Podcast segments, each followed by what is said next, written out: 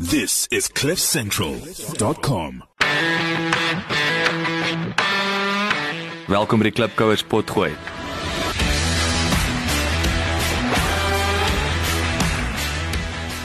Klipkouers waar ons elke week met Afrikaner entrepreneurs en impakmakers gesels ten einde die beste praktiese besigheids- en lewensadvies met jou te deel. Jou gasheer en mede-klipkouer, Jacques Basson.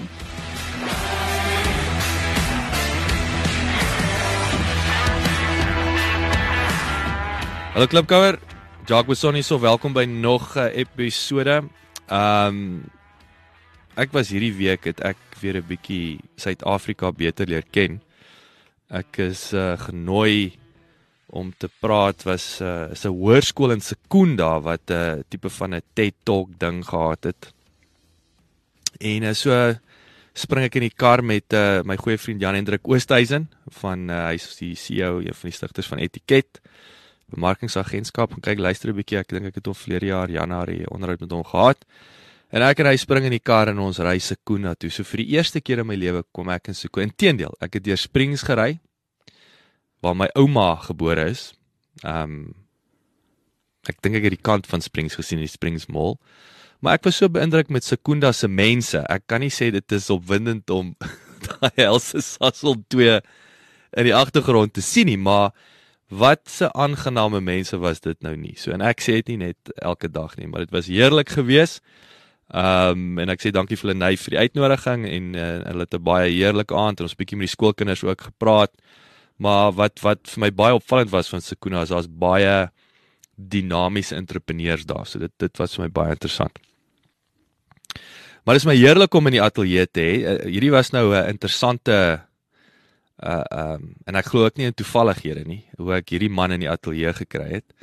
Ehm um, die van julle wat nie weet of weet mos ons tuiskool ons kinders en ons het uh uh, uh kunslesse vir die vir die kinders en nou die dag toe kom een van die, ou wat die kunstklasse gee Eckhart. Ehm um, gee kunslesse uh, lesse vir my vir my dogtertjie en seentjie en vir my vrou. En uh hy vertel my toe van hierdie ou Jasper Kloete van hy het, en hy's 'n suksesvol entrepreneur maar baie belangrik hy het hierdie uh, generational inheritance group gestig gig. Uh maar ek wil dit nie vooruit hardloop nie, maar nietemin, toe ek die storie hoor het ek binne 30 sekondes besluit ek moet hierdie ou bel, ek moet hom inkry want hier's 'n ongelooflike storie. Uh en ek dink julle gaan lekker waarde uitput. So lekker luister en uh en daai awesome, selle awesome Jasper Kloete. Baie welkom hierso. Uh, dankie Jacques en uh, dankie vir al die klipkouer luisteraars en ek dink ons gaan 'n lekker tydjie saam hê. Ek sien baie uit na hierdie gesprek. Maar maar kom ons spring weg. Waar wat tot hier toe vandag toe, jy weet, uh, ek weet jy's jy sal wat sal 20 jaar in die in die in die in die gastehuis en in in game en so aan. Maar anyway, waar het jy groot geword? Agtergrond, entrepreneurskap, storie, gee ons 'n snapshot asseblief. Is een van hierdie inleidings van lank lank gelede. Lank lank. uh ja, maar uh my pa 'n pastoor. Ek het groot geword in basies Pretoria daar, laerskool, hoërskool, uh tikkies geswat. Uh en uh jy weet in in my generasie se groot word was dit my, my my my kind kry vir jou goeie geleerdheid en kry vir jou goeie werk en goeie sekuriteit en life will be happy ever after. Uh en uh jy weet as as, as pastoorskind het jy nou nie ruim gehad nie. Ons het 'n uh, wonderlike opleiding gehad of jy weet 'n opvoeding gehad, maar daar was nie baie geld nie. So ek kon nie op kampe en daai goed gaan nie. So ek moes maar met beurse studeer. En dit het my net laat besluit, daar's nie 'n manier wat ek enigiets in in die Christen wêreld betrokke raak nie. Daar's nie geld nie. Ek wil geld maak. Wat jy geswat, ekskuus. Ehm um, en uh, ek, ek kom daarby, okay. maar ek het uh, ek wou 'n dokter swat, maar ek het sulke swak punte op matriek gehad dat ek 10 jaar naaste by gekeer is nie.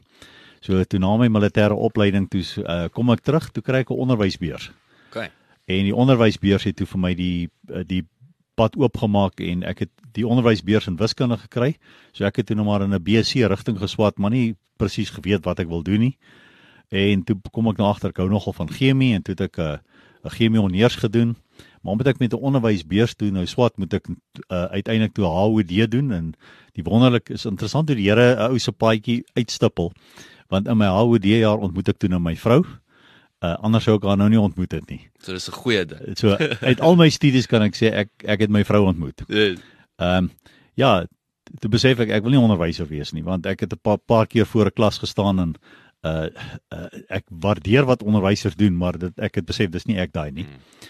En uh toe as gevolg van die kombinasie van die BSc agtergrond uh kry ek toe uh koop koop uh die ou Armscore my beurs uit wat nou Denel is ja. en ek gaan werk toe uh, in Som, uh, Somkem Somersuidwes uh vir 3 jaar en toe ek instap toe besef ek hierdie corporate setup is ook nie my my ding nie. Nou hoe kom ek hier uit? Al wat ek maar weet jy is jy le bly leer en bly leer tot iewers iets vir jou gebeur. So toe gaan doen ek 'n MBA by Stellenbosch en dit bring my toe uh in 81 terug Johannesburg toe waar ek toe vir die Nywerheid Ontwikkelingskorporasie werk. En dit was seker die lekkerste corporate experience wat ek gehad het want toe het ek vir 3, 4 jaar uh elke 2 weke se op 'n ander projek en ek ontmoet ander mense wat entrepreneurs is en ek ontmoet net die die top ouens en ek sit besighede aan mekaar en ek moet teruggaan en ek moet finansië weet die hele pakket aan mekaar sit so dit was wonderlike ondervinding Ja. Ekskuus ek wil jou rede val. Ek bedoel daai is daai nie ook 81, ek wil sê was dit nie die pinnacle nie. Die rand was sterker as die Dit- dollar, sterker as die pond. Was dit dit nie 'n wonderlike Absoluut. En, en en dit was seker die ek wil amper sê die beste jare vir NOK want hulle het 'n uh, ongelooflike goeie bestuurspan gehad, goeie projekte in plek gestel. Jy weet die Sasols en die Alusafs Mm, en al hierdie goede. So ons kon toe uh, en alhoewel in hindsight moes ons nooit apartheid gehad het nie, maar dit het ons sterk gehou deur daai jare want ons het sterk on, onafhanklikheid gegee. Mm, mm, mm. Maar nou dit daar gelaat, ou het altyd die gevaar as jy uh in so 'n baie amper 'n 'n 'n 'n close omgewing werk met klomp slim mense om jou en jy werk net met ander entrepreneurs dat jy amper 'n 'n verkeerde gevoel van jouself kry. En ek het ek is hierdie jy weet hierdie kat se snor van hoe slim ek is by besigheid, hoe wil ek dit nou gaan self probeer? En uh, is goed jou program is klip uh wat klip Kouers. klip kouers Ja. want uh ek het klippe gekou. Mm. Want toe gaan ek uit en 'n uh, 'n groep trek my toe in om uh in mekaar pas bakstene te vervaardig uh vir laagkoste behuising in Middelburg, Oos-Transvaal. Uh en uh al wat daar gebeur het, ons het ons het nie bakstene vervaardig nie, ons het klippe gekou. Uh maar langs storie kort, uh daai blootstelling wat ek dit nou het aan entrepreneurskap en die harde lewe leer ken, maak my toe nou half reg om te weet ek wil dit, ek wil wel entrepreneur wees, maar ek het bietjie oorhaastig aan die ding aan te gaan. Wat wat dit is ek mag vra, wat uh, in een sin, wat het wat het daai klipkou veroorsaak? Weet jy, uh, interessant genoeg vanuit uh, uh die teoretiese oefening wat ek gedoen het met die ouens, ek het die groep geondersoek. Pragtige produk gehad. Uh as jy nou hou van Lego blokkies, is presies so 'n tipe ding. Mm. En uh dan pas die uh steen so in mekaar uh dat jy letterlik pak hom net en as jy hom klaar gepak het dan in die aan mekaar pak van die steen is daar outomaties 'n holte wat soos 'n kolom is en dan doen jy net 'n uh, gooi jou nat sement binne in die kolom dan hou hy die hele struktuur aan mekaar. Soos jy kan vinnig bou en en goedkoop bou. Binne 3 dae het jy die hele hele struktuur gebou en en jy kan dit met uh sê ongeskoolde werkers bou solank jou fondasie reg is. Mm. En uh, wat toe nou baie aantreklik was, hulle die die illustrasie of die proof of concept is toe nou met bakstene wat onder hoë kwaliteit vervaardig is. Ehm uh, en alles werk. Daar daar's net niks wat nie werk nie. Ons kry toe eintlik die wat uniek was van die projek, ons het die uh produksie 3 jaar vooruit verkoop gehad. So was 'n no-brainer Ja. totdat ons in die praktyk nou begin bakstene vervaardig. En dan kom jy agter maar daar's voggehaltes en as jy dit nie onder laboratorium toestande doen en wat die ouens maar gedoen het, hulle het die slegte stene weggegooi, net die perfekte stene vir jou gewys. Maar met 'n toleransie as hy met 'n- 'n millimeter of 2 uh vir verskil van mekaar. Teen die tyd dat jy la- by laag 3, 4, 5 kom, begin die ding al golwe maak. Uh So hy beter pas soos 'n Lego hy blokkie of moet niks. 100% presies wees. Ja. So ons kon toe net nooit die produksieprobleme uitsorteer nie. En toe die maatskappy uiteindelik oorgaan weer terug na pywers toe, maar ons het daai hele kontrak verloor. Ja. Maar toe is ek nou al klaar weg by die Nywerheid Ontwikkelingskoöperasie. En uh toe Maar die ehm, gogga het toe gebyt. Nou die gogga my gebyt, maar nou moet ek al oorleef. So om te oorleef, toe word ek 'n vryskut konsul- konsultant by die destydse uh klein sake ontwikkelingskoöperasie wat nou business partners is. Ja. So ek het Dis uh, die Rupert's, né? Ek dink Roep-. Rupert het uh, het destyds die uh die die fonds geskenk, maar ek dink hy's hy's aanvanklik gestig deur 'n regeringsgrant. Ek sien, ek sien. Ehm en sy aanvanklike mandaat was om sê vir die opkomende ouens wat as ek nou maar in vandag se taal praat, uh finansiering soek van sê 50000 tot 3 miljoen. Uh dit was sy oorspronklike mandaat, maar hulle het nou heeltemal Ek wegbeweeg dink van hulle daai is mandaat. nou, hulle is nou, ek het ekskuus, ek ek het ek het so 'n paar jaar gelede een van my ou skoolvriendinne raak geloop. Ek dink sy hardloop die Oosrand, maar ek dink sy al tot op 50 miljoen of so iets. Ja, hulle wil eintlik nie meer met een, enigiets kleiner as 3 miljoen werk nie. So dis eintlik een van ons uitdagings vandag in ons land dat uh almal uh gee lippe diens aan die behoefte om onder entrepreneurs te skep, maar niemand kyk na hierdie leningsgroepering van sê 50000 tot 3 miljoen nie. Almal Dis wil dit dis meer en dis die sweet spot vir vir En dis die sweet spot, dis waar jy jou volgende Elon Musk ontdek. Mm. Okay, lank so rekord, ek is dit toe vir 'n jaar. Ehm um, en uh toe kry ek nou die ervaring van jy doen al die werk maar die ouens betaal jou nie. Uh en nou mis jy daai groot corporate structure. So ek het nou vir die laaste gedeelte van my koöperatiewe loopbaan het ek by die Behuisingstrust gaan werk uh uh, in die topbestuur. En dit was die laaste stukkie van die vorige regering se se se probeerslag om te sê kan ons nie die goodwill van die ouens in plek sit deur behuising vir hulle te gee nie. Dit was 'n goeie organisasie, maar toe was dit al klaar te laat en kort na 1994 toe is die hele maatskappy tot niet gemaak. So ek was een van daai topbestuur ouens wat toe nou in 1992 in die slag gebly het met retrenchment. Okay. Uh so dit was nogal vir my 'n ingrypende uh uh ervaring in my lewe dat hier het ek vir jare en jare alles gegee, al die grade, al die ervaring, maar jy's die volgende ou wat gaan. So. En jy's pa van twee klein kinders en my seuns was so 4 en 6 jaar oud en jy's vir onsself om die broodwinner te wees, maar 'n R50, jy kan nie R50 uh eers trek uit die ATM om vir jou van vir gesin te sorg nie. So. So in daai uh vreeslike jammer voel vir myself tyd. Nou vra jy maar wat wat lê voor en jy on, onrustig oor die toekoms van die land. Uh ek was seker vir 6 maande hengse depressief gewees. Uh toe die Here my pad gestap nou jare voor dit net om dit in perspektief te stel. My vrou se onderwyseres toe ons uh Somerset West toe trek, toe wil ons met 'n gesin begin en maar ons het al twee inkomste nodig. Nou wat? En so kom ons toe by die ou Golden Products uit Mhm. en my vrou raak toe 'n Golden Product verspreider.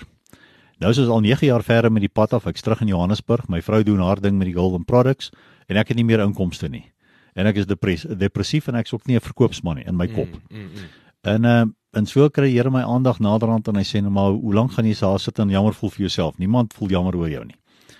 Uh en so kom ek by 'n geleentheid uit en daai naweek funksie praat toe met my en ek sien toe ouens wat prokureurs is en dokters is en sakemanne is wat hulle werke eintlik los om in die ding in te kom en ek dog iets sien ek nou nie raak nie. Hmm. En toe ek nou uh bietjie meer na myself uh intern kyk om te sê wat wil ek in die lewe hê? Toe soek ek dinge soos vryheid, ek wil enige plek in die wêreld kan bly, ek wil uh, waarvoor ek werd is betaal word, ens. En toe ek nou die goed begin mee te sien ek hierdie is dalk 'n wegspringpunt. Mm, mm. En toe ek nou daai commitment maak en ek kry my ego onder kontrole. Ehm um, toe begin die deure vir my oopgaan. Toe is dit nog 'n 2 jaar van 19 uh uh 90 tot 1992 wat ek toe nou na ure uh die ding nou professioneel aanpak en toe in 92 toe die retrenchment kom, toe ek nou at least mentally voorberei vir dit. En, en en is daai was is dit die vroeë dae van van jy weet jou jou jou uh network Ja, dis waar, ek- ek het- ek wil sê dit ek- was ek het julle is nooit- pioniers amper. Ek ek het nooit voorheen van network marketing eers gehoor nie. Sure. So dit was die, die perfekste tyd om met so iets te kon begin dan. Ja, en was groot as gevolg van die groot onrustigheid en onsekerheid dan vir die uh vir die breë bevolking van wat gaan nou met die ekonomie gebeur, Ja. het jy dan 'n uh, bloeityd gehad wat jy vir ons kon sê hier's 'n alternatief. Yes. En ek was van die onder andere van die garte wat toe nou van die aan die ding toe 'n professionele gesig gaan gee het om te sê luister, uh, niemand word 'n dokter gebore of 'n verkoopsman gebore nie. Maar as dit met jou praat, kan ons jou leer hoe. En daar's science agter die ding. Mm. In elk geval kort, kort lank storie kort, uh toe ek nou geretrench word, is dit nou nog so 2 jaar voor die deure vir ons oopgaan en toe 94 gebeur. Toe is ek nou al 2 jaar voltyds. En uh toe begin geleenthede vir my oopgaan aan ouens van uh Middel-Afrika, Rwanda, uh kom bly in Suid-Afrika en maar kwaliteit mense, professionele ouens en so kom hulle toe in my netwerk in. En hulle sê maar bring jy besigheid soontoe. Ja. So uh van 94 tot 98 het ek 'n bloeityd uh, tydperk beleef waar ek toe die onderneming van Golden Products wat nou intussen tyd sy naam verander het na New Life toe. Maar ek het dit ek het dit gaan vestig in Uganda, Kenia, Tansanië, Rwanda. Ehm um, en dit was 'n ongelooflike lekker ervaring want ek het toe geleer uitvoere doen, uh netwerke opstel en op die piek, weet ek, so 20000 ouens in 12 lande gehad uh wat deel van die netwerk was. Ongelooflik. Uh en wat baie goeie ervaring want ek het toe nou uh geleer van sisteme, dupliseringsstelsels mm, mm. en wat maak mense tik en wat interessant is is dat ek het agterkom maak nie saak waar jy bly en wat die kleur van jou vel nie. Wanneer dit kom by die basics, elke ou sien homself as 'n ouer van 'n gesin en jy wil die beste vir jou gesin hê. Mm. En dis dis die dis die dis die kernboublok van enige samelewing. Ehm uh, okay. Van daar af toe, dit het ons toe nou gelons om ons gastehuis te begin, Eagles Nest Lodge hier in Fourways. Uh en dis weer 'n storie op sy eie, maar ek wil nou nie die luisteraars verveel met dit nie. Hoekom 'n gastehuis? Uh ons het uh op die hoek gebly toe toe Fourways nog oorkant my was 'n 'n plot 'n veld. Uh aan die ander kant was 'n plotte waar ouens met kooivisse geboer het. Pragtig. Waar uh die Monte Casino nou was was 'n golf driving range.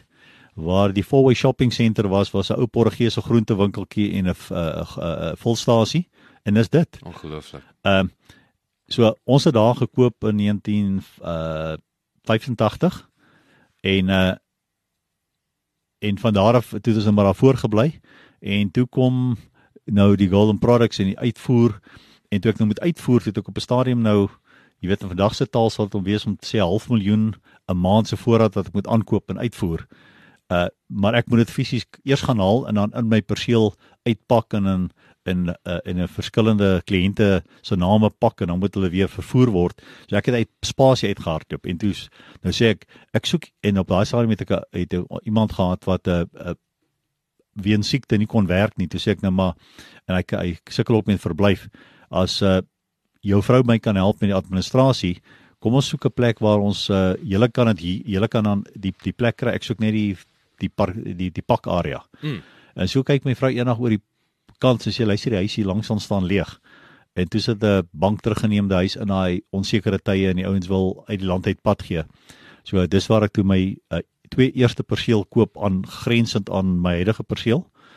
Nee, en vir 6 maande se toe nou maar net dit gebruik vir pak area en toe maak die maatskappy self oop in Uganda toe ek nie meer nodig om uit te voer nie. En die persoon wat toe nou daar gebly het, uh voel hy gaan beter afwees in uh Durban. En uh so nou sit ek met 'n leehuis op my voorstoep en ek wil nie huurders daai nie. Mm. Maar daar raak jy betrokke in hulle lewe. Toe sê iemand maar julle ontvang so baie mense van oorsee af, hoekom maak jy dit nie gastehuis nie? So toe begin ons met drie kamers en my vrou was die chief cook en bottle washer, uh, maak skoon, maak ontbyt, alles. Uh en dan gaandeweg dan het jy behoefte vir nog 'n kamer, en nog 'n kamer. Ehm uh, en die op daai tweede perseel staan toe nou 'n tennisbaan. En toe my seuns nou nog uh op skool was, toe speel hulle so af en toe tennis. Hmm. Maar toe hulle nou klaar is met skool, speel nie tennis nie. Dan sê die ouens, "Wat gaan jy met daai perseel doen?" Ja. Dan dink jy, "Oké, okay, ek sal eintlik graag daar uh konferensiegeriewe wil bou omdat ek in daai game is. Ja. Uh maar ek kan nie konferensie bou as ek nie parkeerarea het nie. Uh so toe kom toe word dis dit eers 2002 toe kom die derde perseel in die mark. En toe kan ek nou met die dooie stuk wat aan William Nicol grens het ek genoeg parkeerarea wat ek toe die hele plek kon hersoneer en toe uh vandag is dit dan nou amper klein boutique hotel met 18 kamers en ons het 'n konferensiefasiliteit vir 200 mense kan sit. Yes. Uh ensovoorts. So dis 'n familiestorie. Ongelooflik. Inspirerend. Ja, so vandag is Eagles Nest baie sterk in al my aktiwiteite want dit is amper my hoofkantoor vir al die ander goede wat ek doen. So 'n lang storie kort, so toe, nou is ek uh, 100% gefokus op Golden Products. Ek voer uit, ag ek ek weet ek ek het nou opleiding wat ek oral aanbied. En so kom ek nou in my mid 50s. Uh my kinders is klaar met skool. Uh ons gaan aan en ek is dankbaar en ek is nie meer so gespanne elke maand einde nie. Uh maar nou begin jy vir jouself vra nou maar waaroor gaan die lewe? Hoekom? Quo vadis? Is dit nou waaroor dit nou maar gaan? En uh ek het ook die ervaring met die netwerkbemarking dat aanvanklik is is almal opgewonde. Almal sien hoe hy die volgende groot ster gaan word en dan 'n paar weke of 'n paar maande later val die ouens uit. En so het ek al 'n paar uh, entrepreneursprojekte aangepak in in property en in ondernemingsbestuur. Uh en van die goed werk en van die goed werk nie en dan kyk jy terug dan sien jy nou die wat waar selfs daar waar dit nie gewerk het nie. Was daar altyd 'n paar ouens wat deur dik en dun by my gestaan het. Nou hoe lyk hulle? Nou sê ek vir myself en ek het hierdie gesprek met die Here en ek sê Here, ek het waarskynlik nog een groot projek oor in my maar ek het nie energie om ouens te uh weet met 'n krywa aan te ry nie. Mm. Uh so as hy nie wat wat het hierdie ander ouens gemaak uh doen wat hulle doen en by my gestaan wat maak hulle anderste? Nou pas ek al die psigologiese profile toe, maar ek kan niks sien wat wat vir my hier 'n uh, teken gee nie en ek sit uh, in Maart 2008 is ek in Uganda doen ek leadership training. En terwyl ek daar leadership training doen, uh val dit net in my kop een woord, mindset. Mm. En toe ek nou oor dit gaan dink, maar dit was 'n ingrypende oomblik. Mindset, mindset. Nou ek gee opleiding in goal setting, maar die tipiese goal setting is om te sê korttermyn is 6 tot 12 maande, uh, medium is 2 tot 5 jaar, langtermyn is 5 jaar plus. Maar ek besef hier dit gaan iets groters en so ontdek ek toe nou 'n uh, 'n skriffie uh in Spreuke. Uh 13:22. Nou, ek moet hom in Engels sê want hy hy's meer beskrywend. In die Amplified Bible praat hy van a good man leaves an inheritance in an hakkies of moral stability and goodness. En dan gaan dit aan to his children's children en dan die volgende sinnetjie sê and the wealth of the uh, sinner is laid up for the righteous. Hmm. Nou met die, die, die, die laat my pa pastoor is en ek in die Christen gro uh, omgewing groot word, is dit 'n bekende versie in die Christen kringe, maar hy word verkeerd uh uh gepreek. Hy word gepreek asof dit is sien hier swart op wit, hier beloof die Here word net 'n Christen dan kan jy die welvaart van die sondaar claim. Mm. En so daar 'n klomp verkeerde teachings wat aan die buitekant gaan. Maar die openbaring wat ek toe nou kry rondom Spreuke is uh hoe die boek in die Bybel beland en hoe het Spreuke tot stand gekom en en dit was toe vir my die wow uh, oomblik in my lewe wat al die hele verskil gemaak het.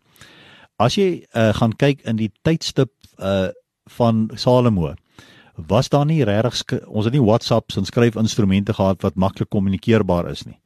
So meeste het met oorleweringe en storievertelling gepaard te gaan en die wyse manne van ouds het dan samelewings bestudeer en as hulle iets gesien het wat altyd waar is ongeag die kultuur of die afkoms van die van die van die gemeenskap. Uh maar as jy A doen gaan B gaan die gevolg altyd B wees. Of as jy A reg doen gaan die uh, reward altyd B wees. Uh so het dan 'n uh, sosiale wet geword en hy's net so sterk en geldig en tydloos as wat 'n natuurwet is. Mm. Uh en teen die tyd dat Salomo dan tot stand gekom het, het hy gesê maar ek kan nie hierdie uh, wysheid laat verlore gaan nie en die woord proverbs het gebeur omdat ouers verbally die ding oorgedra het proverbs mm. en hy dan dan net gaan sê ek het die vermoë om dit nou neer te pen kom ek doen, doen my eie waarnemings en ek pen al die ander waarnemings neer so as jy met daai oog spreuke nou lees en die Here omdat hy baie lief is vir sy kerk wil dan nie hierdie wysheid laat verlore gaan nie en hy het seker gemaak dit is opgeneem in die in die Bybel Maar of jy nou 'n Christen of 'n nie-Christen is, die waarheid in Spreuke is altyd toepaslik. Dis daai soos gesê daai dis daai principles wat dis, dis tydloos. Uh, dis tydloos. En as ek dan daai daai daai versie nou vat en ek herverpak hom nou in in gemaklike vandag se Afrikaans, dan sê dit in enige tydperiode onder enige regering in enige stadium maak nie saak wat met die ekonomie gebeur, wat wat jou uh, grond geloof is of jy 'n Christen of 'n nie-Christen is nie. Maar as jy daai familie word, daai man vrou paartjie wat sy lewe hier op aarde wy om 'n nalatenskap te bewerkstellig en dan moral stability and goodness sê maar net dit moet wees tot voordeel van die samelewing. Mm. Maar dit moet nog steeds daar wees tydens die die die die tyd van jou kleinkinders, kinders se kinders. Dan dan en dan alleen geld die tweede voorwaar uh die beloning. Die wealth die ongebruikte bronne van die sinner, die familie wat dit wat die pot mis het, hmm. sal gaan na die righteous, die familie wat die regte ding doen. En dit dit het vir my 'n wow moontlik ge, ja. ge, gewees want dis ek wow, so as ek dit vir myself toepas en ek kan dit vir mense leer en dan saam met die mindset ding toe sê ek is daar dan sulke gesinne wat hierdie skriffie in werking gestel het. En so kyk ek dan maar in die Suid-Afrikaanse konteks na die Ruperts en die Oppenheimers en of die mense hulle nou van hulle hou of nie, maar as jy hulle biografieë gaan lees, hulle het klippe gekou. Hmm. Daai eerste paar ouens, hulle het nie uit maklike omgewings gekom nie en jy weet selfs in vandag se sal interessant wees om te sien waar gaan die Maponyas en die Motsepis heen. Want dit gaan nie oor wie's nou ryk nie. Dit gaan oor wat is nog beskikbaar vir die samelewing en daai familie 3 generasies verder. Mm. En hoekom ek die Oppenheimers en Ruperts noem, hulle bestaan al vir 3 generasies verder, of al So- die Oppenheimers. So net uh vir myself 'n generasie kan mens op 20 jaar werk, nê. Nee. Min of meer. Kyk, die genera- jy jy is tans hier as die eerste generasie en ongeag hoe oud jy nou word, maar jou seun Christian is nou sê 30 jaar jonger as jy. Mm. Uh maar wanneer hy die waarheid begin ontdek, moet hy homself sien as die eerste generasie. Maar jy leef nog, so eh, terwyl hy hier op aarde is in die konteks van jou is hy die tweede Ek generasie. verstaan. Uh en jy gaan dalk die voorreg hê om jou kleinkinders te sien terwyl jy nog leef en in daai konteks is jy die eerste generasie en hy die tweede en, en die kleinkinders die derde, maar elke nuwe geslag moet hulle self sien as die eerste Ek generasie. sien. Ehm ja, so kort en lank, ehm die Here wys toe nou vir my dat hierdie generasies dink anderste. Hulle opereer anders, hulle dink in die toekoms in. Hulle verken die toekoms, hulle eh, het ander netwerke, ander vriendekringe. Hulle is nie afhanklik van ekonomie soos ons afhanklik is van die ekonomie en die plaaslike politici nie. Uh hulle het al klaar uh wanneer dit kom by medies en wanneer dit kom by versekerings en so aan, hulle het ander stelsels wat al klaar vir hulle in plek is. Wanneer daai klein kleintjie op die aarde kom, word hy alhoewel ons al ons almal ons kinders bederf, het daai word daai kind grootgemaak met 'n besef van ek behoort uh en ek het 'n roeping en ek het 'n doel. En al word hy na privaat skole toe gestuur, uh is dit vir 'n doel. En as hy dan wel gaan studeer, is dit ook vir 'n doel. Want van kleins af word hulle die verantwoordelikheid geleer om uiteindelik dan 'n uh, Engels sê steward, 'n rentmeester te wees van hierdie bronne wat in plek gestel is en hulle kan nie net op die louere rus van die eerste geslag nie. Hulle moet daarop voortbou en dis hoekom jy sien dat families soos die Oppenheimers en Ruperts word net generasie na generasie sterker en sterker en uh, begin 'n groter en groter invloed in die ekonomie hê. So toe ek nou uit die publieke inligting hierdie families begin bestudeer, toe kom ek agter maar daar's dis letterlik twee parallelle wêrelde. Uh die een generasie wêreld is als oor me mine I for now. Ehm uh, en uh jy het sal jy hoor selfs die mense sê ag hoekom moet ek geld uh, vir my kinders haal as hulle gaan dit net gemisbruik. Ek moet dit geniet terwyl ek hier op aarde is. Nou is die tipiese een generasie denke. Een generasie denke sê ek moet uh, uit uh, uh, gaan gaan studeer en uit my ouer huis kom en soveel as moontlik geld maak so vinnig as moontlik want rondom by 50 uh gaan die samelewing my uitskop. En dan moet ek genoeg geld gemaak het dat ek dit kan stadig opeet sodat teen die tyd ek 80 is kan ek daarom vir die begrafnis betaal en 'n paar rand vir die kinders los. Stem jy saam? Klink reg. Uh jy weet hulle as as 'n ou dit amper voorstel met 'n uh weet 'n 'n 'n klip wat jy gooi op 'n uh, sê nou maar 'n rugbyveld Hmm. en jy jy jy kan so ver gooi tot by die kwartlyn. Dan gaan die klip op en hy bereik 'n hoogtepunt en hy val op die kwartlyn. Ja. Uh so So dis 'n een generasie dis 'n een generasie mindset. Ja. Ek maak die geld en ek eet dit. Dan begin my kinders oor. Hulle maak die geld, hulle eet dit en hulle Hmm. maak die geld, hulle eet dit. En as jy dan 'n trendlyn trek, dan is dit so 'n ou uh, mediocre lyntjie wat jy su- uh, survive nog 'n dag, nog 'n week, nog 'n maand. Uh en ons maak maar die beste vir rondom 'n Kersfees en een of ander familie-event, maar eintlik leef ons almal so 'n lewe van die Engels sê quiet desperation. Sure. Uh maar hoe kan dit anders te wees? En dan bring dit ons terug na Spreuke 13:22. So, hoe begin jy verby jou generasie dink? Uh so kom ons sê jy's nou jy's nou bekommerd net oor jou kinders en uh jy wil wat jy doen moet nog daar wees in tyd tyd dat hulle ou mense is. En kom ons sê jy word 80 en dan gaan jy dood en gaan hulle nog 30 jaar verder lewe. So hoe dink jy 30 jaar na jy dood? Die meeste mense kan nie eens verder dink as volgende jaar se verkiesings nie. Mm. Nou jy dink verder deurdat jy vir jouself leer om 'n een eenvoudige vraagie te vra. Hoe is die besluit wat ek vandag nou neem? Het sy dit 'n verhoudingsbesluit is, 'n koopbesluit, 'n 'n loopbaanbesluit, wat 'n besluit dit ook al is. Hoe gaan dit 'n impak hê en uitspeel teen die tyd dat my kind 'n ou man is? Dis hoe jy in die toekoms dink. So jy gooi jou jy gooi jou verstand in die toekoms in. Ek ek ek wil ek wil dinge nie vooruit hardloop nie, maar ek kan al klaar sien jou jou punt van mindset vroeër. So so ek sou baie nuuskierig om so te dink. Wat veroorsaak dit in jou mindset? Nou, ek wil amper daai vraag vir jou teruggooi. As voordat jy so geleer dink het en alles het net oor jouself gegaan en jy het korttermyn gedink en nou het jy die beste gedoen wat jy kan en dalk is jy nog op pad 50 toe en jy worry oor nie vinnig genoeg kan geld maak nie of jy sal verby 50 en nou worry jy oor jy nie genoeg geld gemaak het nie en inflasie eet dit op. Uh dan is jy reaksionêr. Uh as jy hoor van 'n petrolprysverhoging dan stort jou wêreld in duie. Dis is 'n vreesgedrewe. Jy's vreesgedrewe. Uh versus 'n ou wat dan kom ons sê maar generasie 2 dink en hy hy vra homself hoe gaan die besluit wat ek vandag neem 'n impak hê op die tyd van my kinders. Nou begin jy die toekoms verken. Hmm. Nou sê jy, weet jy, is 'n feite komplie.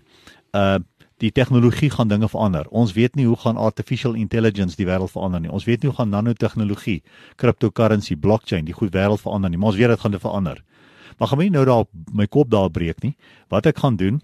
Wat gaan nog steeds werk 15, 20 jaar van nou af sodat ek my familie kan posisioneer dat wanneer daai trend in plek val, dan is my dan's my familie klaar in plek.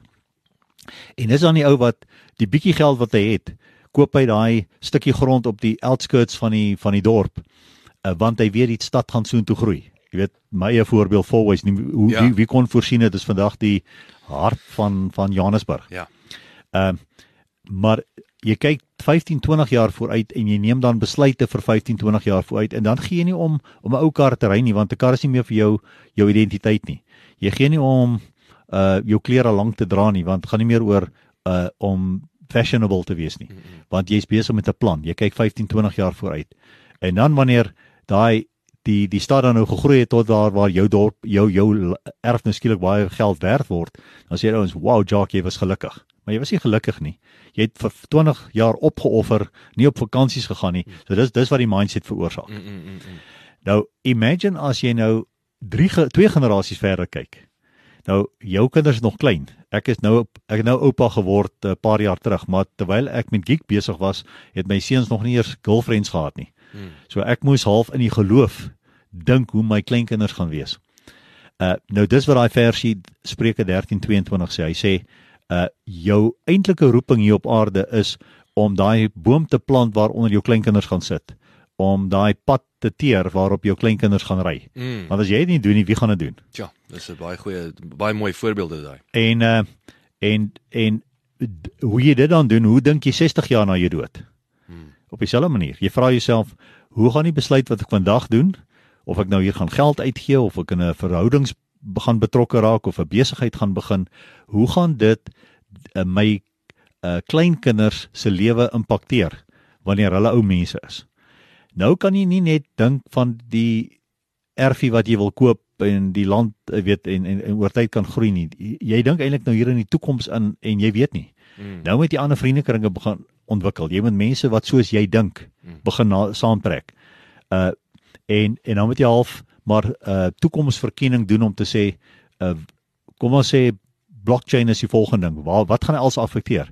Wel moet dan nie jou kind in daai rigting stuur wat oor oor oor 5 jaar bestaan hy werk nie meer nie. Mm. Maar blockchain gaan weer ander geleenthede oopgaan.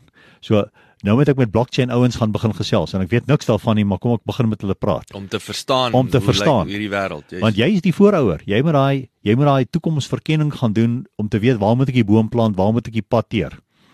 Uh en jy het nie genoeg tyd en en kennis nie. Daarom het 'n Jacques Jasper nodig en 'n Jasper het 'n volgende ou nodig. Mm. En dis dis hierdie kombinasie van mense wat dan uh, en dis maar wat met hierdie groot families gebeur. Hulle het hulle interne netwerke. Uh, as jy gaan Google family offices, dis hierdie groot uh, Yes, yes, ek weet in, in Engeland is dit massief. Maar die family office, jy jy kwalifiseer amper eers in die derde generasie want jy het nie genoeg geld om betrokke te raak in die eerste generasie nie. Maar Mm. dis dis waar die ouens hulle netwerke het internasionaal wêreld verken. Hulle versprei hulle wealth wealth oor 'n klomp uh portefeuilles. OK, maar jy weet ek ek ek begin nou oor 'n klomp goed praat, maar ek dink die die die lank en kort daarvan, dis die mindset. Ehm en nou het jy 'n keuse. Jy kan sê OK, en, en dis maar al wat ons doen in Geek. Ons hou die speels op. Ons sê die een speel, kom ek wys jou hoe lyk jy nou? Dis die een generasie. Jy het nie geweet jy lyk so nie, maar moenie sleg voel nie. Dis die programmering. Want o- die education system gebruik die 12 most impressionable years van 'n kind se lewe om hom te programmeer om 'n werk te gaan soek. Mm. En nou sit ons in Suid-Afrika met 500 000 plus matrikulante wat uiteindelik afgewaarde matriek skryf, maar het min, uh, hoogstens 5% het 'n hoop om 'n werk te kry want niemand weet om werke te skep nie. Mm. Uh en dan sit jy met 'n media wat die die die minderwaardigheid van mense gebruik om te sê weet jy is eintlik minderwaardig maar rook dit of sprei sprei dit aan of drink dit en dan kan jy dalk soos die rolmodel wees. En dit bring die consumption die consumer behavior sterker na vorentoe en nou begin jy goed koop met geld wat jy nie het nie om mense te beïndruk wat jy nie van hou nie. Uh en die politici maak wette om jou te stroop van welvaart terwyl jy lewe.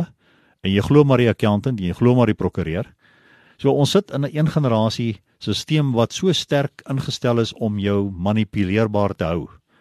En dit verg baie moed en dit verg amper hierdie transformasie van denke om te sê weet jy wat? Die bus stop hier. En nou hou as die drie generasies speel op ons sê jy kan die volgende roeper word jy kan die volgende Oppenheimer word. Maar is jy bereid om jou familie te begelei deur hierdie proses. En ons het nou oor tyd die proses nou net gaan uh vereenvoudig deur te sê dis die dis die reis van die 4 S'e. En ek moet dit ongelukkig in Engels sê, maar mm. die eerste S is struggle of Afrikaans sukkel. Mm. Ehm uh, na stabiliteit, stability, na sukses. Uh en die laaste S is significance. Okay. Nou as ons dan sê wat behels dit? Nou die een generasie programmering hou jou in struggle. Nou wat is struggle? Ons sê dis dis dis is 'n ekonomiese probleem. As jy inkomste vat minus uitgawe, wat bly oor? En as dit maand na maand 'n minus is, hoe voel jy? Hopeloos, jy's in struggle, jy's reaksionêr, jy leef uit vrees uit. En daar's nie 'n kort pad nie. Uh jy kan Christen wees en jy kan vas en bid en jou oë uit uithuil, maar iewers langs die pad moet jy die equation gaan uh regkry. Jy moet inkomste verhoog hmm. deur meer as een inkomste bron te kry. Uh en jy moet uitgawes gaan sny en dis hard want dis dis emosioneel want ek voel ek verdien daarom hierdie hierdie luxury. Hmm. Uh maar jy sal dit doen as die transformasie in jou kop plaasgevind het en jy sien jouself as hierdie founding father van jou familie uh nageslag. En nou sal jy die opofferings gaan maak. Nou sal jy gaan ekstra leer om nuwe vaardighede aan te leer. Jy sal nuwe vriendekringe gaan ontwikkel en die pad begin stap om inkomste bronne te verhoog en uitgawes te verlaag. Wanneer jy dan die minus 'n plus maak, dis wanneer jy oorbeweeg na stabiliteit toe. En dan verander jou gemoedstoestand van hopeless na hoop. En jy's nog nie uit die uit die moeilikheid uit nie, maar daar's nou energie. Jy begin goed na jou toe trek, jy begin goed glo, jy begin goed sien. Geleenthede kom na jou toe, maar dis ook 'n gevaarperiode want daai eerste stadium van stabiliteit is maar klein. Jy maak 'n ekstra 50, ekstra 100 rand 'n maand, so emosioneel heg jy geen waarde aan daai geld nie. Uh en dan is dit maklik om te sê ag wat wat is 50 rand, wat's 100 rand en dan gaan jy weer in skuld in hmm. met nog 'n aankoop. En as jy weer terug gaan struggle. Maar as jy kan leer my 50 plus jou 50 en 'n volgende ou se 50 maak naderhand 1000. Wat kan ons saam met daai 1000 doen? En dis waar die entrepreneurskap begin ontwikkel en waar jou denke van waarde van geld begin groei. En dit bring jou by die die derde S en dis dan sukses. En ons definieer sukses Jy's eers suksesvol nie oor die karre en die huise en die titels nie. Jy's suksesvol as jy 3 of meer volhoubare groeiende inkomste strome het. Want dan het jy keuses. Hmm.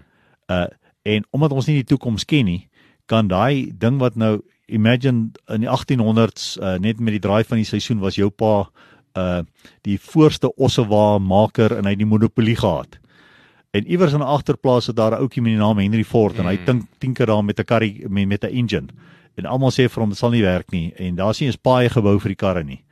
Uh en en julle is in die sheet. Julle sit voor in die kerk en jy die mat word vir julle uitgerol want mm. julle die monopolie op ossewa. Maar 20 jaar later bestaan nie meer nie. So jy kan nie nou die toekoms vooruitsien nie, maar as jy at least 3 inkomste strome het, is die impak nie so groot nie mm. omdat jy toekomsgerig is, gaan jy dit lank voor die tyd sien kom en jy gaan al die alternatief in plek hê. So dis hoekom ons so hamer op die 3 of meer volhoubare groeiende inkomste strome. En jy hou nooit op met dit werk nie.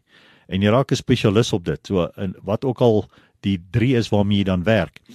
En daai spesialisasie van jou rondom dit gaan vir jou aantreklik maak vir ander mense jy gaan die go-to persoon word en op 'n goeie dag ontmoet 'n Jasper en 'n Jacques mekaar en ons ontdek dat met ons sinergie kan ons nommer 4 aan mekaar sit. Mm. En jy ontdek met 'n volgende ou nommer 5 en dis hoe hierdie families, hierdie generational families vanuit 'n 'n core besigheid vandag het hulle portefeulje reg oor die hele ekonomie.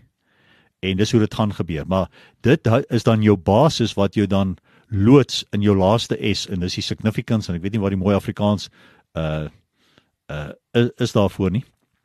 Maar ons beskryf dan significance is hierdie ding wat wat net jou jou jou jy weet jou Engels sê krul jou hare of vloei jou bloed maar jy weet net dis my passie. Ja. Ek het 'n belang daarvoor. En vir een ou is dit om 'n sopkombuis in 'n in 'n squatterkamp te gaan hardloop en vir ander ou is dit om nog besighede te skep.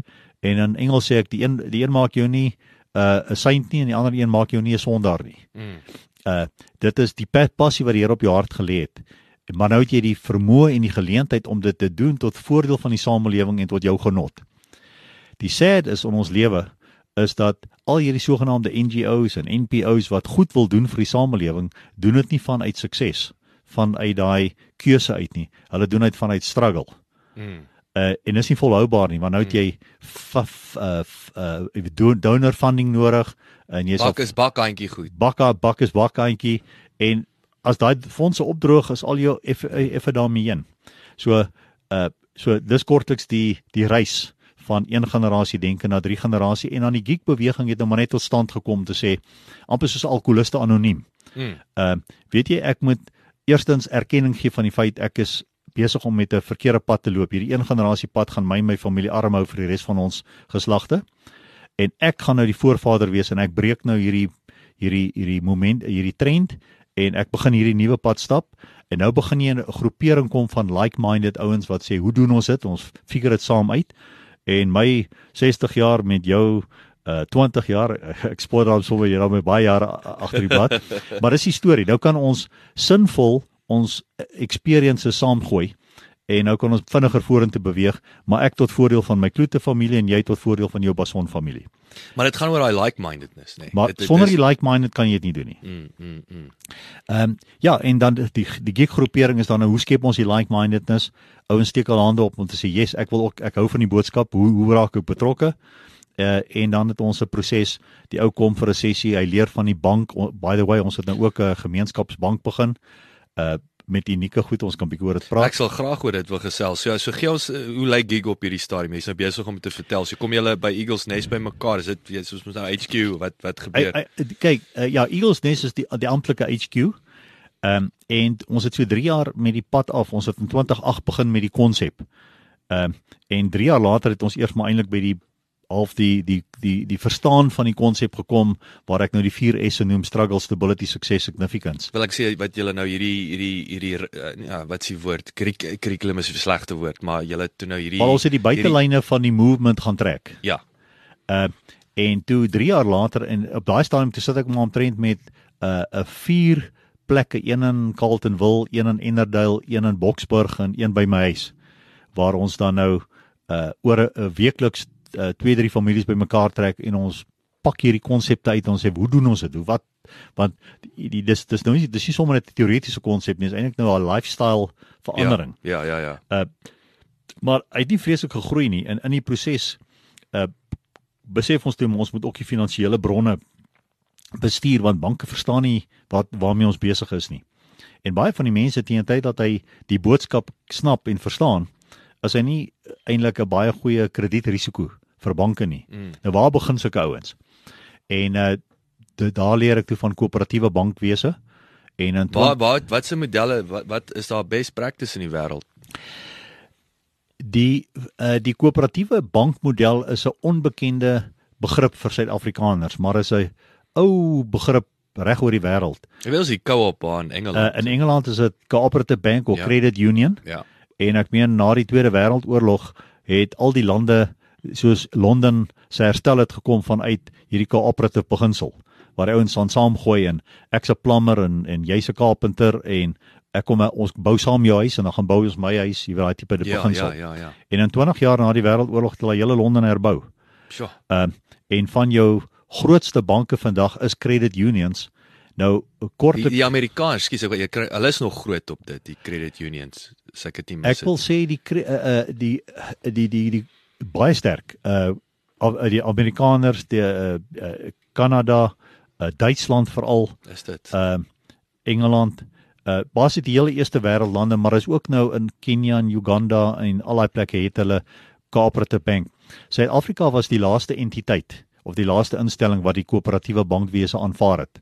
Hy was lank geweerstaan uh hier in Suid-Afrika. So ons het basies 3 uh banke, so as jy met die gemiddelde ou die woord bank gebruik, dan sien hy 'n struktuur of in 'n shopping center iewers, hy stap in, daar's tellers wat hom diens uh en en hy dink ook aan aan trans, transaksionele bankdienste waar ek dan my geld kan inbetaal, môre kan trek. Mm, mm.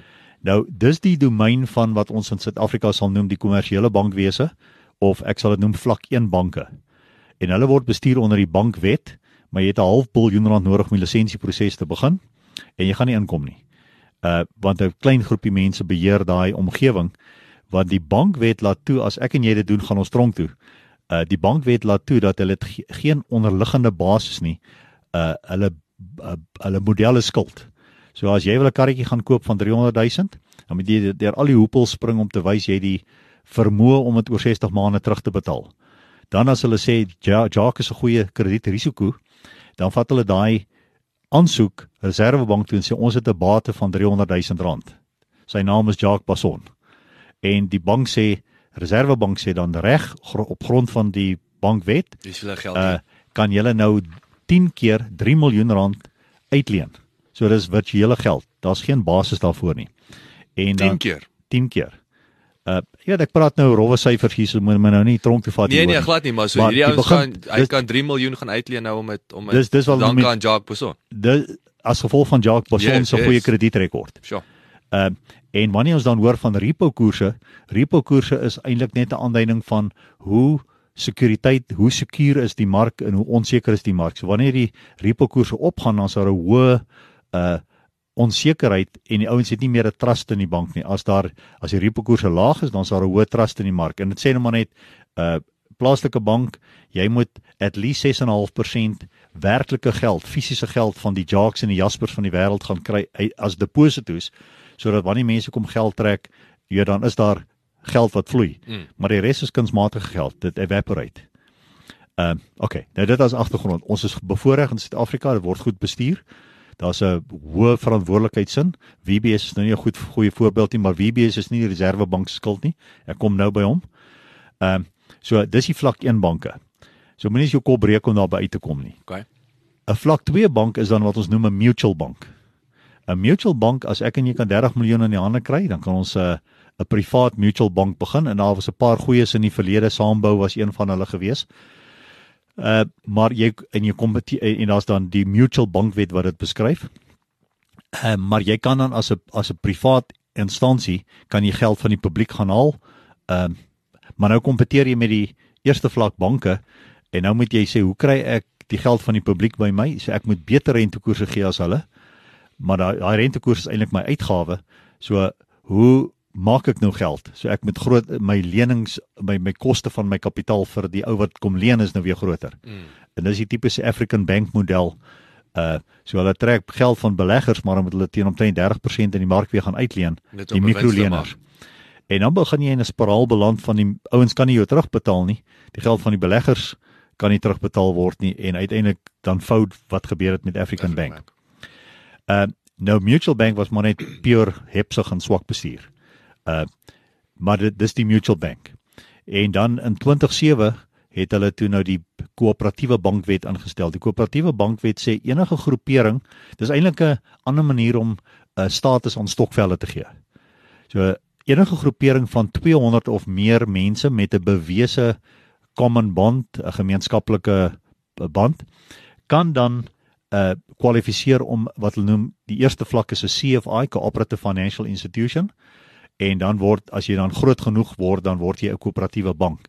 Maar uiteindelik is die reëls presies dieselfde.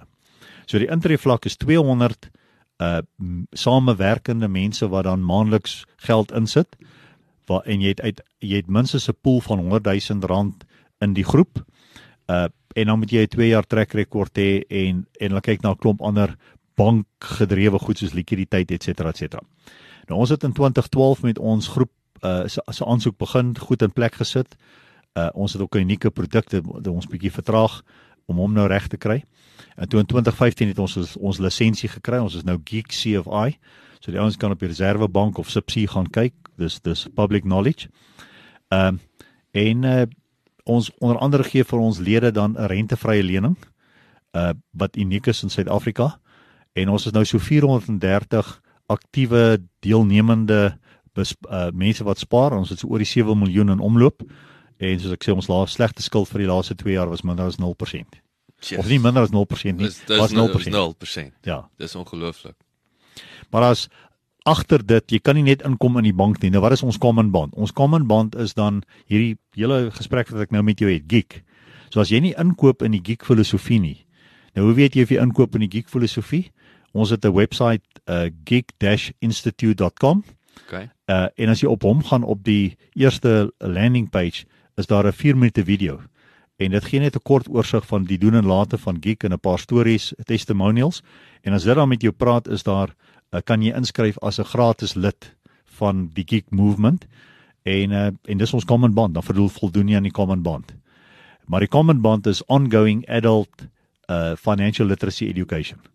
En van die huidige 28 CFI's in Suid-Afrika is daar net 3 wat dan 'n nasionale lisensie het. Ons is dan een van die 3. Sjoe.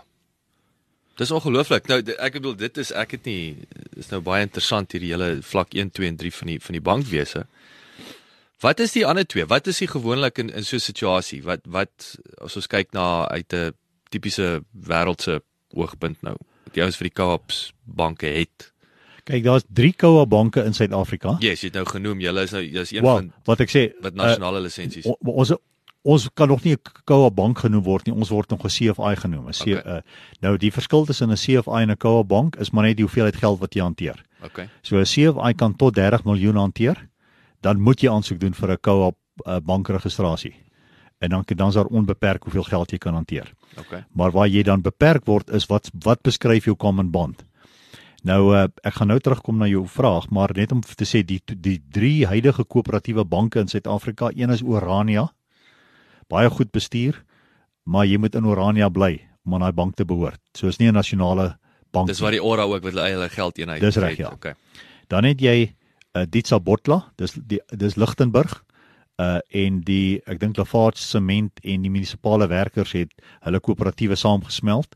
So jy moet of vir een van die ander twee werk. Dit is meer 'n 'n 'n werk 'n nemer voordeel bevinding. Maar hulle word geklassifiseer as 'n bank en dan is nou laas jaar het daar 'n bank 'n koöperatiewe bank gestig in uh, KZN, maar dis gedryf deur vrouens uh en nie met in KZN bly. Okay.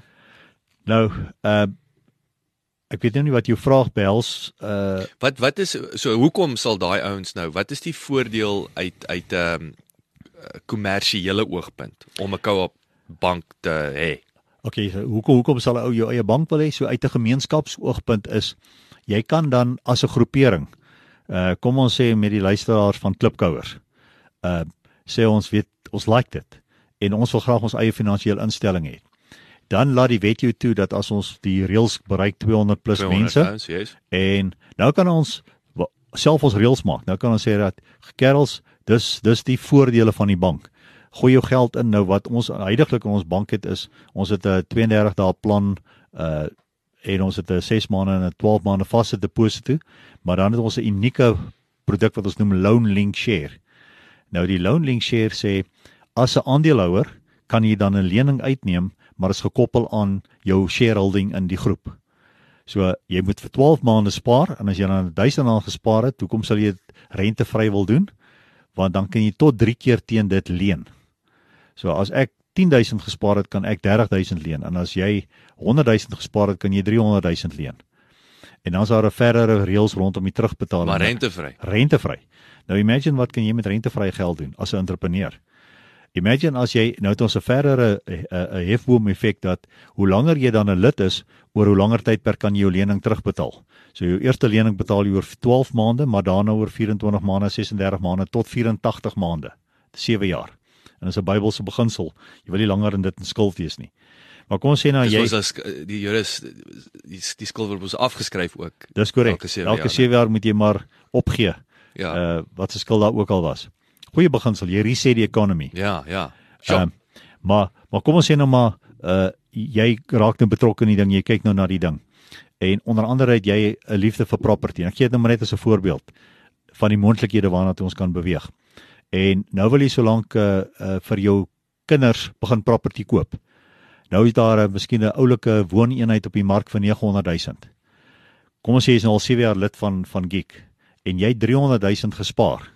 Hoeveel kan jy leen? 3 keer. Mm. 900 000 rentevry. Jou trip jou paaiement oor 84 maande rentevry gaan dieselfde uitwerk As asof jy 20 jaar oor 20 jaar met- by- met by jou bank gaan by. wees. Okay, natuurlik. en nou kan jou jou huurder dit terugbetaal en 7 jaar later herhaal jy die resep. So jy teen tyd jou kinders 21 is dit elkeen 'n huis kontant betaal en dis hoe jy welvaart skep. Hier is dis vir my ongelooflik. Ek ek ek moet gaan sit en prosesseer hierso. Dit is dis vir my on- ongelooflik kragtig. So kom ons kom ek kom ek kom nou terug na die ek weet nou daar's van die die klipkouer sit nou daar. Alraight, gaan Jasper met daai geld weghardloop. Jy weet so hoe lyk daai daai struktuur, die bestuurstruktuur, die Ja. beskerming van daai geld. So gee ons 'n bietjie meer vleis om dit.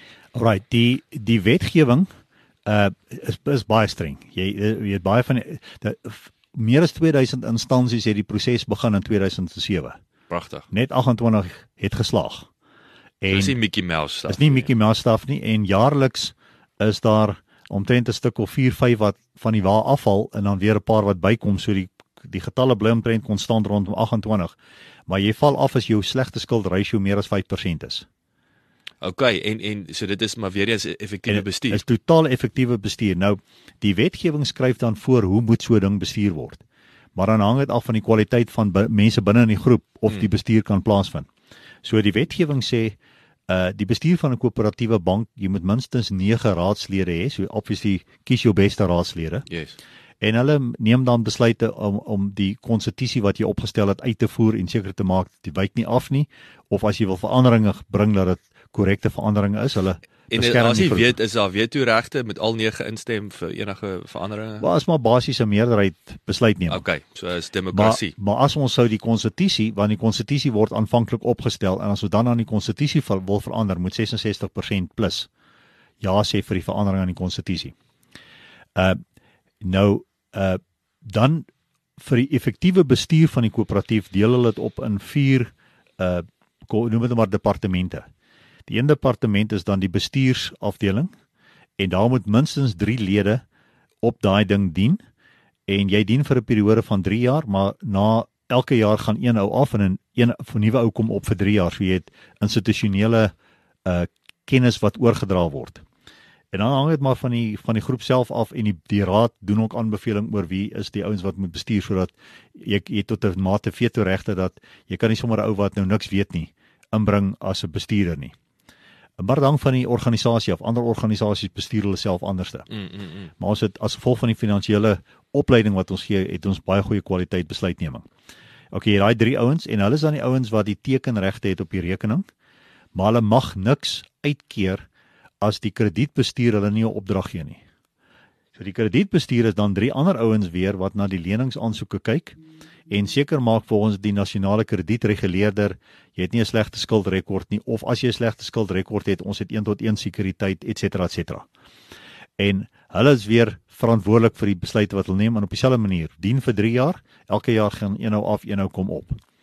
Uh en as hulle dan 'n lening goedkeur, dan is die bestuur maar net die rubber stamp wat dan die geld uitbetaal. En en die bestuur is is dis uh, vrywilligers. En dis die interessantheid van die hele model.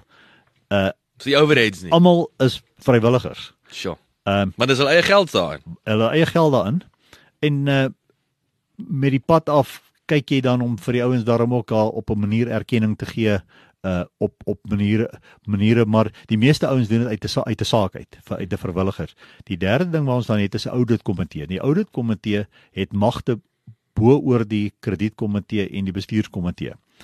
So as ek as 'n lid ongelukkig voel hoekom is my lening afgekeur maar jou lening is goedgekeur, dan kan hulle kom ingaan op die saak en kyk is daar 'n bandjie vir boeties tipe effek hier aan die gang. So hulle is daai En as hulle sou agterkom hier's 'n collusion of iets kan hulle het hulle die magte om die komitees te ontbind en te vervang. Uh en as jy nou met die Reservebank gaan praat en die CBDA CBDA staan vir Cooperative Banking Development Agency. Hulle gebruik tans ons oud audit komitee struktuur en model amper as die as die as die standaard textbook wat standaard julle mee. wat ons ontwikkel het Wow. vir die ander ouens om te te leer.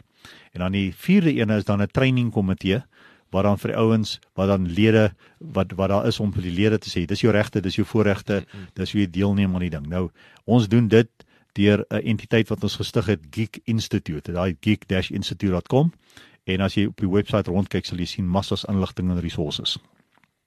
So ek wil net terugkom weer so daai ehm um, soos ek nou môre lid word, ek spaar R1000 'n maand, 12000 Na 'n jaar. en dan kan ek 36000 vir en ek moet hom in 'n jaar terugbetaal. Ja, so elk, En ek het 'n goeie kredietrekord bla bla bla. Ja, so so die 3 3 keer is afhangende van jou goeie kredietrekord. yes, yes. en dan ook affordability jou vermoë om dit te wel kan bekostig om dit te betaal in in in 'n jaar. So kyk jy ouens dan na bankstate, kyk of Ja, daar ja. 'n bietjie cash flow, lyk jou cash flow. Ons doen 'n krediet uh, uh profiel op jou. Uh jy gee 3 maande bankstate, uh jy doen 'n inkomste uitgawe kant om te bewys jy kan dit hanteer. En die ander ding wat ons uniek maak binne die geek groep is uh jy's nie net 'n koue lid nie. Uh daar's 'n verhoudingsbestuurder. Ons noem die verhoudingsbestuurder 'n wealth coach. Dit is ook 'n vrywillige ding, maar hy's 'n ou wat ook 'n lid is, hy het al die paadjie bietjie verder gestap en hou net van hy wil mense help. Mm. Uh weet Eckart wat jy nou genoem het wat jou voorgestel het is nou een van die ouens wat ek nou oplei daar in die Clubview omgewing. Sjoe, baie interessant. En en en hoe lyk so jy het nou jy het nou gesê 7 miljoen, hè? Wat hoe lyk jou hoe so gee ons net weer Ja, so daar hoeveel- rowweg 7 400 miljoen van- 400 lede. Van uh, van die 7 miljoen is die helfte rentevrye geld wat dan jy kan slegs deelneem aan die rentevrye lening as jy 'n bydraer is tot die rentevrye geld. Uh maar dit is nie verpligtend dat jy moet daaraan deelneem nie. Ons het mense wat nie daaraan deelneem nie. Dan kan daar's uh, weet uh, 3 mal 0 bly 0, so jy kan ook net niks leen nie. Ja. Uh en dan het ons die ander drie produkte uh, wat rente draand is. Ons vat geen risiko met daai geld nie. Ons herbeleid dit weer as 'n finansiële instelling. Vir die wetgewing verder sê 'n 'n 'n 'n vlak 3 bank, CFI, moet 'n pool account hê met 'n vlak 1 bank. So ons bank is Standard Bank. Ons het ook 'n verhouding met FNB. Uh so hulle reg, hulle hulle beheer aan die pool, maar die geld lê nie in die pool nie. Die geld sirkuleer tussen die lede. En ons het dan professionele sagte ware. Ons is die eerste CFI wat dit ingebring het in Suid-Afrika, 'n Duitse sagte ware wat dan cooperative banking beheer. Uh so jy kan op die cloud ingaan en gaan kyk wat het Jacques Passon op sy rekening en jy kry maandelikse state. So daar's nou so wat wat ons redelik ek uniek maak, die grootste deel van ons uh proses is in die cloud, vrywilligers, ons 'n baie lae overhead struktuur. Maar dit penaliseer ons ook op die stadium. Ons kon al lankal aansoek gedoen het vir koöperatiewe bankstatus, maar omdat ons model is nie om geld te maak met die uh, verskil tussen Wat beteken jy het meer as nie. 30 miljoen, hè? So dis dis is ek Nee, nee, selfs wat jy kan na 1 miljoen al aansoek doen vir bank uh, vir koöperatiewe ek bankstatus. sien ek sien as as jy dit word net verpligtend maar dit word verpligtend na wil- 30 ek miljoen. Verstaan. Maar die kommersiële ag die die Reservebank meet jou in terme van kommersiële standaarde. En hulle sê om so 'n groot organisasie met so 'n uh, uh, uh, infrastruktuur te run, o, ons ons verdiskonteer vir vrywilligers. Wat sou jy nodig gehad het as ons die ouens marksalarisse moes be- betaal? Hmm. Nou ons finansiële model is 'n lidmaatskap. Ons het 'n R60 'n maand lidmaatskap en 'n R120 'n maand lidmaatskap. Okay. Die R60 'n maand lidmaatskap gee vir jou dadelik toegang tot daai vier rekeninge. En of jy dit nou gebruik of nie, dis daar. En hoe lyk daai rentekoerse terloops op 30? Is dit is dit maar vergelyk is- is- is- vergelykbaar? Is vergelykbaar, maar is altyd beter as wat jy by 'n kommersiële bank kan kry. So dis nou weer jou ander voordeel Dis daar wat onmiddellik daai R60 kan kan Want cover. ons gee daai voordeel direk deur vir ons lede. Okay. En ons vat daai geld, ons vat nie risiko's nie. Ons op die be, vaste beleggings gaan koop ons dan retail government bonds. Uh maar ons eet nie die winste op nie, ons gee dit direk deur vir die lid. So om vir jou uh en dit gaan verander met repo koerse, maar op die stadium uh ek te praat onder korreksie. Ek dink die die 32 dae plan is 6.4% per jaar. Die 6 maande vaste deposito is 7.4% en die 12 maande vaste deposito is 7.8%. Okay. So dis heiliglik. Ehm uh, ja, so dis dis dis die so, so as as jy R60 lid voordeel het jy 'n wealth coach, jy het die voordeel tot die produkte, jy het die die ondersteuning, die opleiding en nou mag jy aan die klubs deelneem. En die klub is waar die ding dan wortel skiet. Dis dan waar ek en jy en twee drie ander mense in 'n omgewing bymekaar kom. Uh en nou het ons totale autonomie, maar nou praat ons van uit is like-mindedness mm. en ons sê met my R50 en jou R50, wat kan ons saam doen? En dis hoe netwerke begin sterk word. Dis hoe idees van die grond af kom. Ehm um, ja, so ek dink ja, dis dis kortliks die bank. Dit is dit is en en hoe trek ek my geld uit? So ek nou R1000 ingesit, kan ek hoe trek ek dit uit? Op die die Loanlink share, uh die doel van daai geld is jy skep vir jou familie eintlik 'n finansieringsfasiliteit. So kom ons sê jy het nou 10000 in. Na 'n jaar leen jy 30, 'n jaar later het jy 30 terugbetaal, maar jy het nog steeds daai 10 in. Die 10 het nie uitgegaan nie. Ek sien. As jy dan byspaar en nou het jy 20, nou kan jy 60 leen. Maar kan jy daai 10 uittrek? Maar as jy op 'n stadium sê, weet jy ek is nou moeg, ek wil nie lenings vat om my geld te benut nie. Ek wil net pad vat. Ja. Dan moet jy ons 3 maande kennis gee want die dis, geld lê nie vas in 'n bank nie, dit sirkuleer. Ek sien en dis nie dis nie tellerkaart dinge hierdie nie. Jy, jy en, gaan 3 ja, maande. Ja, so dis ons het nie transaksionele bankdienste nie. Jy kan nie geld inbetaal en dadelik terugvat nie. Uh die naaste dan is dan is die 32 dae plan waar jy dan geld bære vir 'n tyd en as yes. jy dit wil oproep, daar's geen admin koste nie. Jy gee ons net 'n e-mail instruksie en jy kry jou geld terug. Ja. Ja, so jy's vir my fascinerend. Ek is ek sê dit bewus ons tyd het alweer gevlieg. Ons is um ek sê altyd weer is 'n uur en 5 minute later, nee. Wow. Kan jy kan jy glo? Dit voel vir my of ons nou net opwarm. Maar so net uh, vir die klipkouers net gou weer jou webwerf, waar kan hulle meer inligting kry oor oor oor alles? Um www.gig.institute.com. Okay .com. Ons sal in elk geval dit in die in die in die notas so goeie sit. Uh, ek dink dis die beginpunt en dan as hulle uh, ek sal sê uh laat dit sal my help as ek weet hoe hulle by my uitgekom het. Mm, mm. So laat hulle dan vir vir jou skryf. Uh en jy kan net die navraag vir my aanstuur dan kan ons van daar af die ding in plek sit. Of selfs net 'n uh, hulle net um uh, soos hulle sê mention maak uh, uh van van klipkous. Ons kan dit ook daarin sit. Verskriklik dankie dat jy ingekom het. Ek is ek is bly jy het ek ons het jou so uit die bloute uit gebel. So ek dink jy het op stadium dalk gedink wat wat wat wat 'n scam is hier so in die gang. So verskriklik dankie dat jy die proses vertrou het en ingekom is. Heerlik om jou te ontmoet het. Ek gaan graag met jou ek wil 'n draai kom maak by Eagles Nest. So ek wil graag kyk wat daar aangaan. Ek sal baie uh, ek nog baie met jou chat. So en verskriklik dankie vir jou boek ook. Ek sien jy het, jy het waar kan jy kry mense die boek is mense deel is van die klub of wat is legacy? Nee, die, die boek is beskikbaar vanuit my kantoor by Eagles Nest. So ek het die hele uh geek konsep toe nou te boek gaan stel met al die inligting en veral hoofstuk 9 gee dan riglyne hoe elke individuele familie hom kan opstel om uiteindelik 'n family office te word en 'n uh, generational familie te word. Uh die boek is beskikbaar van my kantoor Eagles Nest uh, uh in Fourways. Okay. Uh so hulle kan maar net uh, dit opsoek.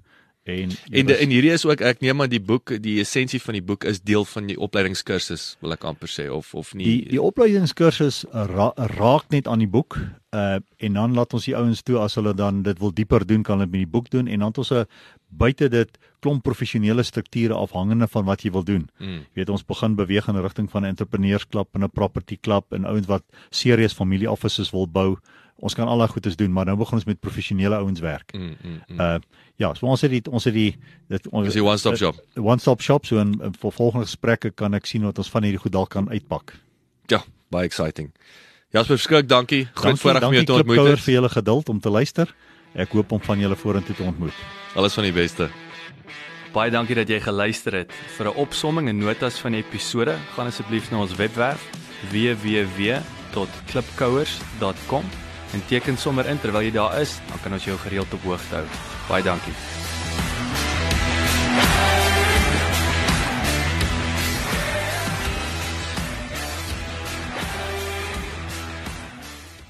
This is cliffcentral.com